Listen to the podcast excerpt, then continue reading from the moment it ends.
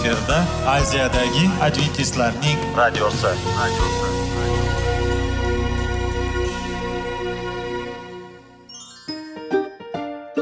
Assalomu alaykum aziz radio tinglovchilar. Sog'liq daqiqasi rubrikasiga xush kelibsiz. Zero tananing sog'lom bo'lishi va uning kasalliklardan saqlash har bir insonning burchi hisoblanadi.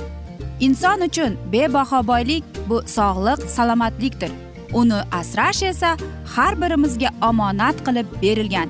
Shuning uchun ham inson o'z sog'lig'ini ehtiyot qilishi voajib amallardan hisoblanadi. Dono xalqimiz sog'liq tuman boylik deb bejiz aytmagan. Aql idroq sohibi bo'lgan inson o'z hayotini qadrlashi lozim bo'ladi. Hozirgi kunda qanchalik dori darmonlar ko'paymasin tibbiy muassa sifati shifokorlar vasiyasi tibbiy texnika yaxshilanmasin. Agar insonning o'z salomatligi haqida qayg'urmasa kutilgan natijaga erishib bo'lmaydi va biz sizlarga bizning dasturimizga xush kelibsiz deymiz.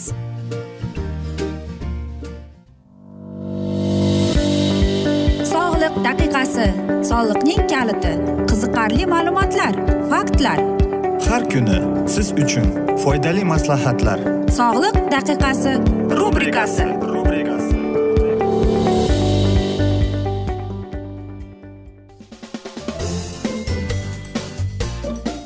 Assalomu alaykum aziz radio tinglovchilar. Dasturimizga xush kelibsiz va biz sizlar bilan tana va sog'liq degan dasturda xushvaqt bo'ling deb aytamiz.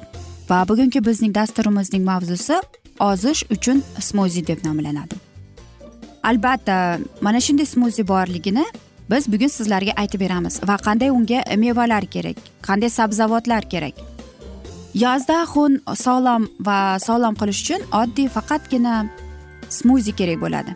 Uni qanday qilib tayyorlashni o'rganish meva e, sabzavot va mevalarga asoslangan bu kokteyllar haqiqiy e, vitamini bombasi hisoblanadi. Ularni tayyorlash juda oson mazali va yaxshi hazm qilinadi. Smuzining retseptlari turli xil bo'ladi. Har bir ta'mi uchun mehnat tanlash imkonini beradi. Smuzi to'liq ovqat u nonushtaga yoki aytaylik almashtirishimiz mumkin. Bunday kokteylni tayyorlash uchun oddiy faqatgina uch yoki to'rt ingrediyentlar va blender kerak bo'ladi. Yoki aytaylik hattoki professional mashinalar ham kerak emas. Ko'p odamlar hayron bo'lishi mumkin. Qanday smuzi yangi sharbatdan farq qiladi deb. Asosiy farq tolaning e, bu smuzining mavjudligi. Ovqat pishirganda sharbat pulpadan e, ajratilmaydi. Buning o'rniga butun massa birgalikda buziladi. Ilafning ichakning normal ishlash va qulay mikrobinning rivojlanishi va natijada kuchli immunitet tizimining asosiy shartidir bundan tashqari tola shirin meva yeb qachon qon shakar keskin sakrash oldini olib keladi.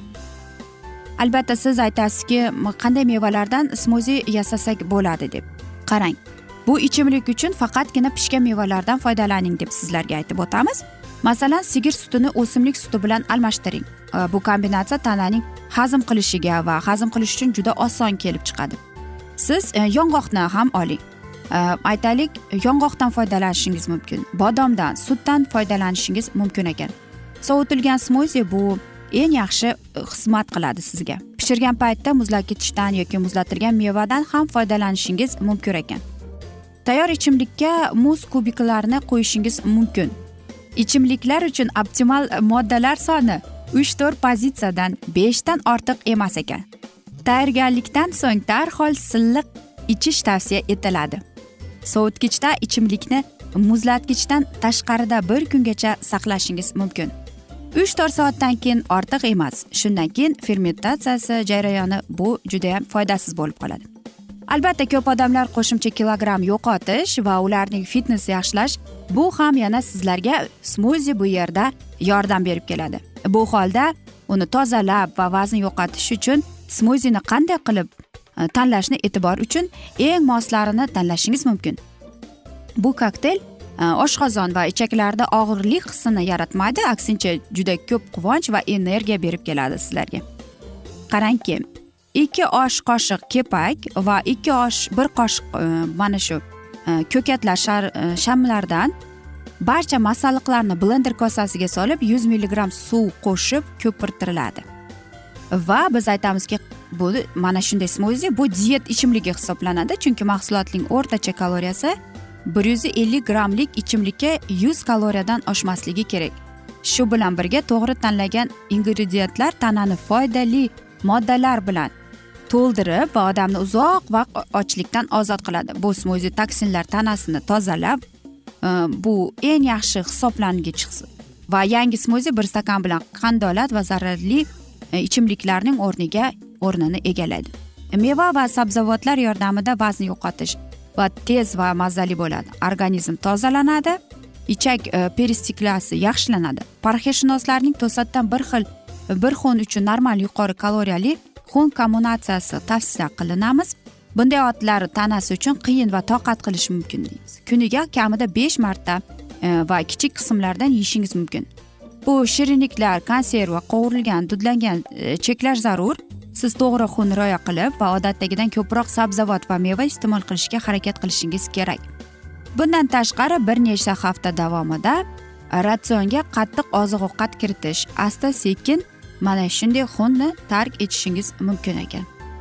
Va qarangki e, smuzi bizdagi borgan bor vitaminlarga boy bo'lar ekan va ko'plab kim sog'lom hayot tarzini ko'rsa o'sha insonlarda mana shu smuzi bor.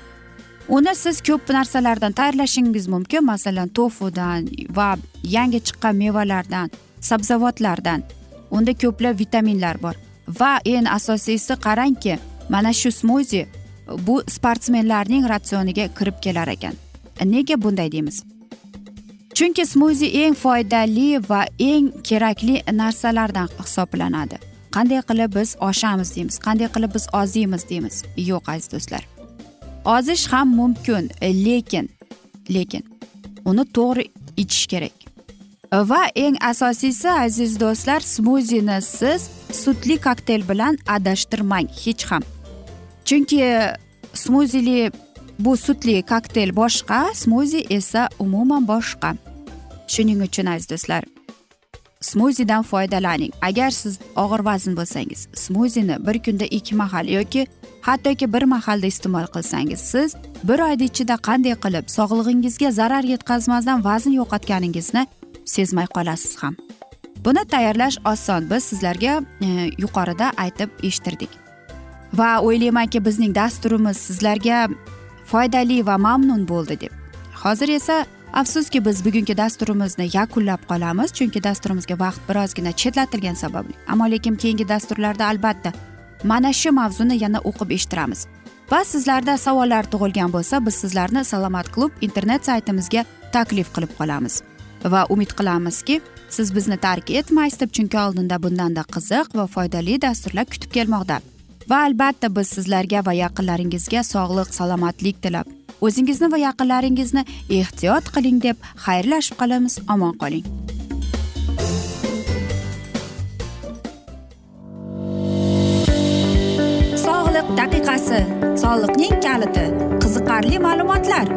Faktlar har kuni siz uchun foydali maslahatlar.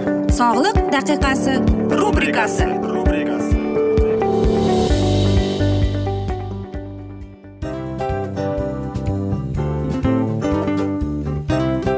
Mana ha hayotda hamma narsaning yaxshi narsalar tugaydi va yakunlaydi degandek bizning dasturimizga ham yakun keldi. O'ylaymanki bizning dasturimiz sizga foydali bo'ldi deb aziz radio tinglovchimiz va siz? O'zingiz uchun kerakli xulosalar kerakli maslahatlar olib oldingiz. Aziz radio tinglovchimiz biz bilan qoling va keyingi dasturlarimiz albatta undanda qiziqroq bo'ladi. Mana shu alfozda sizlar bilan xayrlashib qolaman.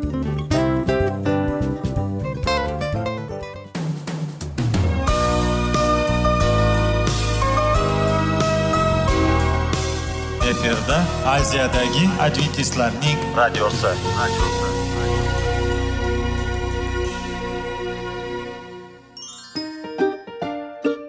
assalomu alaykum aziz radio tinglovchilarimiz dil izhori dasturimizga xush kelibsiz pul insonni baxtli qiladimi albatta yo'q sog'liqchi albatta bo'lishi mumkindir lekin olimlar shuni isbotlashdiki to'liq va mukammal munosabatlar insonlarni baxtli qilar ekan.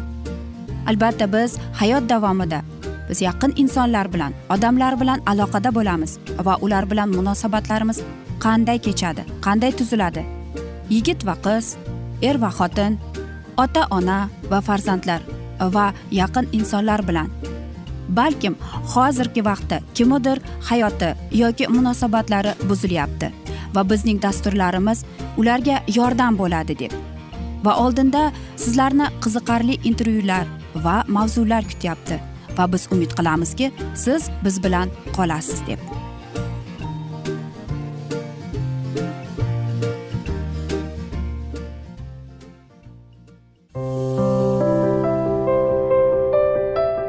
Har kuni har xil kasbdagi odamlar bilan sirlashish va bo'lishish sevgi rashq munosabat. Bularni hammasi dil izhori rubrikasida.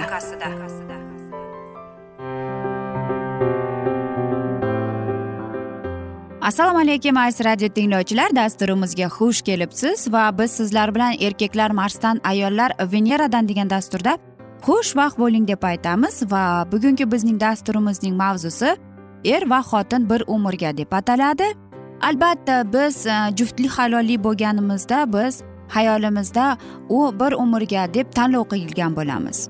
Lekin shundaymikin xotin eri uchun butun umrga suyukli va kerakli bo'lib qolishning iloji bormi degan savollar kelib chiqadi. Albatta bor.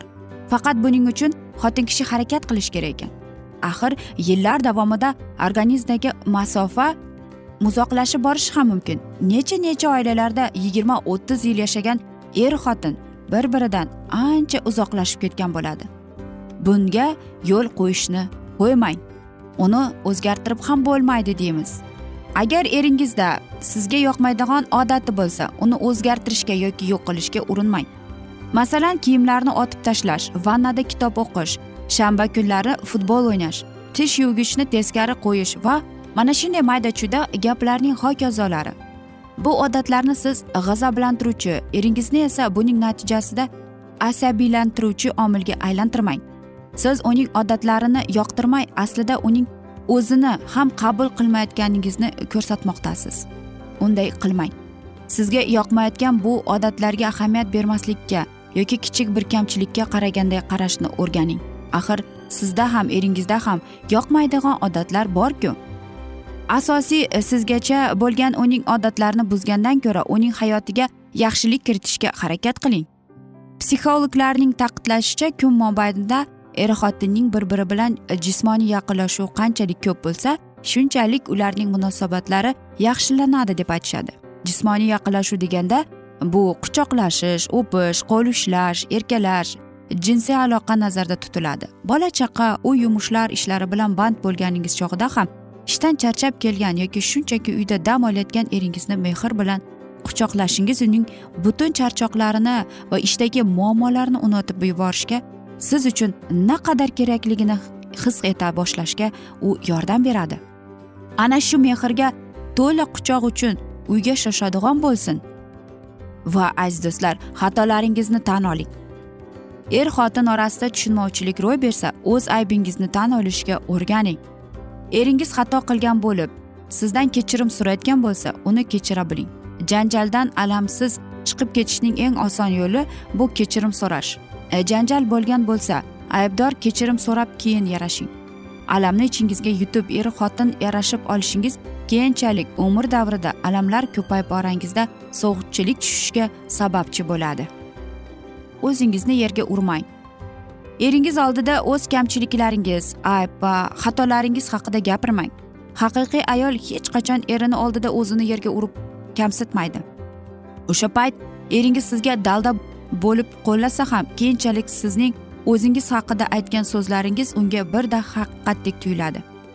Masalan borgan sari semirib ketyapman yoki qo'limdan pishirish kelmaydi kabi izohlaringiz keyinchalik sizni ayblash uchun unga qo'l kelib qolishi mumkin. Xafa bo'lsangiz ayting. Odatda ayollar eridan xafa bo'lsa indamay yuradilar. Eri esa nima bo'lgan ekan nega arazlayapti degan e, tushunmay yuradi. Ayollar erkakni o'zini anglashni istaydilar lekin buning iloji yo'q. Erkakning psixologiyasi shundayki ular ochiq oydin xafagarchilik sababini aytilmasa ular uni o'zlari hech qanday aniqla olmaydilar. Bu haqida o'ylamaydilar ham. Shuning uchun ham er xotin orasingizda tushunmovchilik yuz berib eringiz sizni xafa qilib qo'ygan bo'lsa indamay yurishni cho'zmang. Albatta uch to'rt soatlik sukunat foyda bo'la oladi lekin kunlab davom etadigan arazlash hech kimga foyda keltirmaydi. Muhimi er xotin e, bir biringizdan uzoqlashishga o'rganib qolasiz. Shuning uchun oz vaqt o'tgandan keyin eringizga xafa bo'lganingiz sababini ochiq oydin ayting. Erkalang undan kechirim so'rashni iltimos qiling. Faqat indamay yurmang deymiz. Ayol dunyodani dunyoni tebratadi deb aytishadi. Sizning oilangizda esa shu oilani tebratuvchi shu oilani gullatuvchidirsiz oilada aynan ayolning oqillaligi farosati va donoligi oilani baxtu ezgulikka yetaklaydi aziz do'stlar bu yerda ayollarga bo'lgan ammo lekin erkaklarimiz ham unutmaslik kerakki ayol kishi ham inson. Lekin faqat birozgina bizning psixologiyamiz boshqa chunki biz ayollar veneradanmiz aziz erkaklarimiz esa marsdan bo'ladi. Shuning uchun ham ko'pchilik biz bir birimizni tushunmaymiz va mana shunday dasturda o'ylaymanki siz e, mana shu maslahatlarga rioya qilasiz deb va xafa bo'lgan bo'lsangiz ham ruhshunoslarning aytishicha uzoq vaqt indamay yurmang va aziz ayollarimiz hech ham unutmangki biz indamay yursak erkaklarimiz xayol o'qishni bilmaydi fikr o'qishni bilmaydi. Ular o'ylamaydilar ham bu haqida. Shuning uchun ham uzoq xafa bo'lsangiz ham bu vaqtni cho'zmang. Albatta uch to'rt soat buni foydasi bor. Ammo lekin kun bo'yi indamay yursangiz bu keyin odat bo'lib va men o'ylaymanki mana shunday e, sizlarga foydali bo'ladi deb. Erkak kishi ham ayol kishi ham e, bu albatta ularning munosabati bu mehnat bu ish ham qarz ikki qo'ldan chiqadi deb bejiz aytishmagan. Shuning uchun ham aziz erkaklarimiz aziz ayollarimiz e, bir biriga bir qadam oldinga tashlaydi deb. Va mana shunday asnoda biz esa afsuski bugungi dasturimizni yakunlab qolamiz. Chunki dasturimizga vaqt birozgina chetlatilgani sababli ammo lekin keyingi dasturlarda albatta mana shu mavzuni yana o'qib eshittiramiz. Va biz umid qilamizki siz bizni tark etmaysiz deb chunki oldinda bundanda qiziq bundanda foydali dasturlar sizni kutib kelmoqda. Va biz sizlarga aytmoqchimizki e, sizlarga va yaqinlaringizga sog'lik salomatlik tinchlik totuvlik tilab va albatta aziz do'stlar seving seviling deb xayrlashib qolamiz.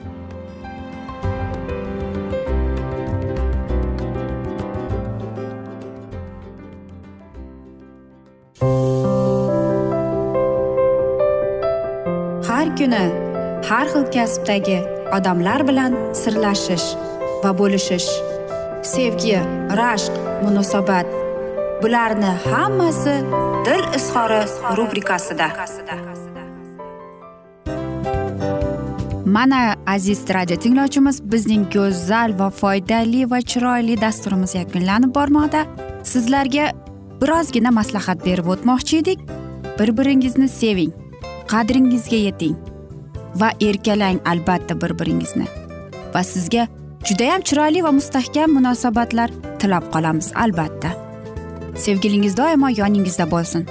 Mana shu borada sizlar bilan xayrlashib qolamiz. Xayr.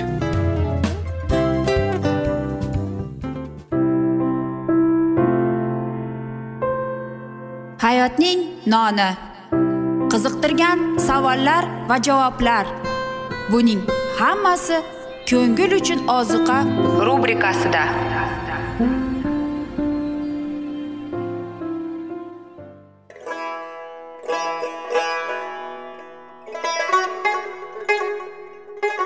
Assalomu alaykum aziz radio tinglovchilarimiz. Ko'ngil uchun oziqa rubrikasida xush kelibsiz deymiz. Siz haqiqatni izlayapsizmi? Olamnimi? Umidnimi? Siz kimga murojaat qilmoqchisiz? Odamlar ko'pincha siyosat kuchiga tayanadilar. Dunyo iqtisodiyoti holati tobora chuqurlashib bormoqda. Tabiiy ofatlar va texnogen halokatlar minglab insonlarning hayotini olib ketib juda katta zarar yetkazmoqda. Sizga abadiy hayot inomini hadya qiluvchi va hayotingizni tubdan o'zgartiruvchi haqiqatni izlab toping. Xudo haqidagi haqiqat uning kalomida mujassamlashgan. Kimki bu haqiqatni butun qalbi bilan izlasa albatta unga yetishadi. Bu sevgi xudoning tarixidir. Hayotingizda yoki sizning yon atrofingizdagi olamda nimalar yuz berishidan qat'iy nazar? Siz ertagi kunga buyuk umid va ishonch hosil qilishingiz mumkin. Hozirda xudo sizga taklif qilayotgan umid ishonchga o'z qalbingizni oching va sizni qiziqtirayotgan mavzularni savollaringizga javoblaringizni topib olasiz deb umid qilamiz. Biz bilan qoling.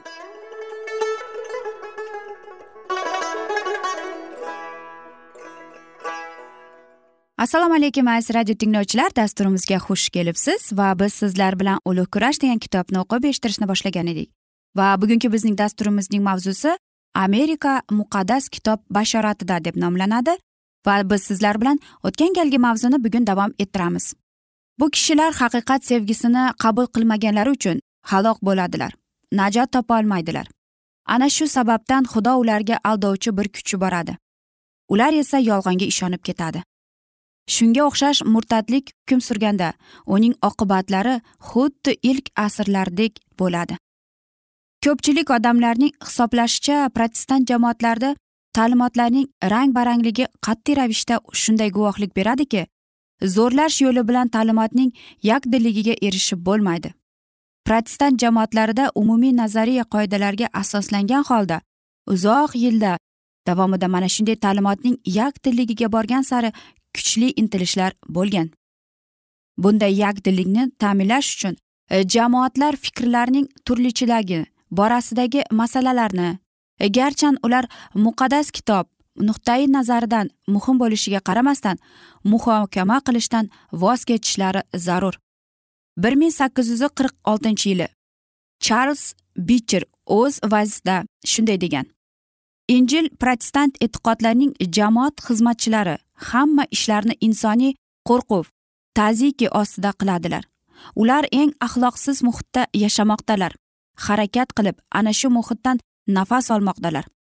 Haqiqat borasida lom lim demay shu yo'sinda ular o'z tabiatiga kabi mana shunday his tuyg'ularga yo'l ochib beradilar va murtad hokimiyatga sajda qiladilar. Nahotki rimda ham shunday hodisalar yuz bermagan bo'lsa biz ularning izidan bormayapmizmi? Kelajakda bizni nimalar kutmoqda? Yana bir dunyo masihiylarning yig'ini jahon bitimi masihiy ittifoq va yagona umumiy ta'limot.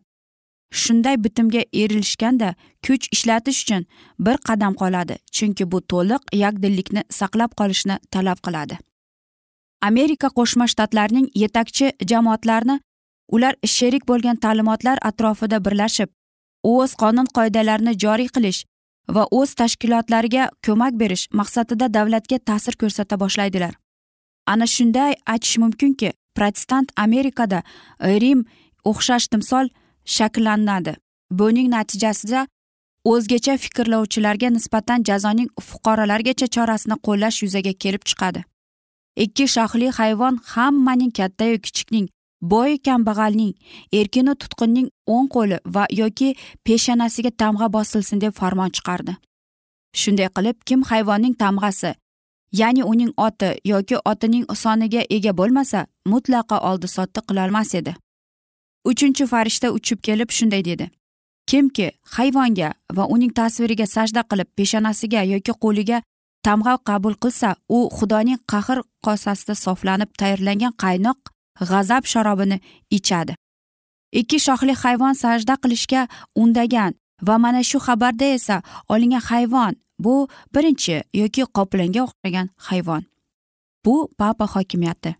Hayvon tasviri murtad protestantizmning shunday ko'rinishini ramziylashtirdiki protestant jamoatlari o'z aqidalarini majburiy tarqatish uchun yordam so'rab fuqarolik xizmatiga murojaat etganda bu ko'rinish tarixiy maydonga chiqadi. Hayvonning tasvirga oid yana bir masalani aniqlashtirish lozim. Maxluq va uning timsoliga bo'ysunmaslik bunday ogohlantirishdan so'ng payg'ambar bashoratida shunday deyilgan.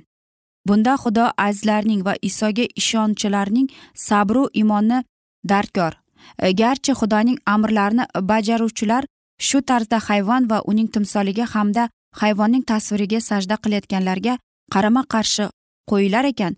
Bundan quyidagicha xulosa chiqarish mumkin. Bir tomondan xudoning qonunlarini bajarish boshqa tomondan.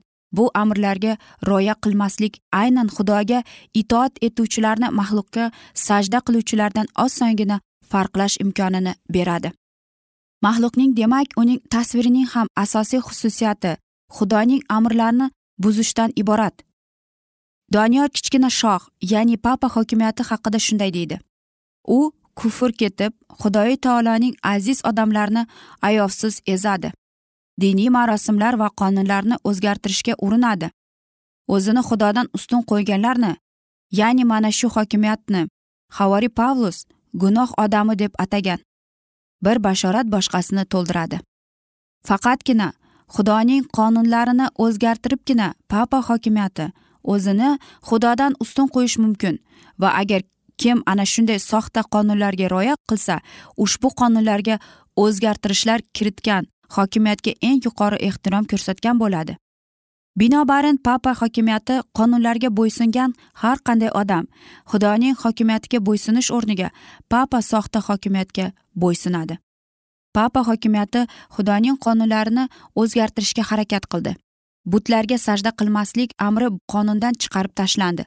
To'rtinchi amr esa haftaning yettinchi kuni shabat kunining o'rniga haftaning birinchi kunida bayram qilish maqsadida o'zgartirib yuborildi. Shu bilan birga papa hokimiyati a'zolarining ta'kidlashicha ular ikkinchi amr birinchi amr amirda berilganini hisobga olgan qolaversa xudo uning qonuni tomonidan ilk bor qanday berilgan bo'lsa ular xuddi shu holatda bayon etganlarini izohlaydilar deydi aziz do'stlar mana shunday asnoda biz afsuski bugungi dasturimizni yakunlab qolamiz chunki bizning dasturimizga vaqt birozgina chetlatilgan. Ammo lekin keyingi dasturlarda albatta mana shu mavzuni yana o'qib eshittiramiz va sizlarda savollar tug'ilgan bo'lsa biz sizlarni adventis tochka ru internet saytimizga taklif qilib qolamiz va biz umid qilamiz siz bizni tark etmaysiz deb chunki oldinda bundanda qiziq bundanda foydali dasturlar kutib kelmoqda. Va biz sizlarga sog'lik salomatlik tilab xayrlashib qolamiz omon qoling deymiz.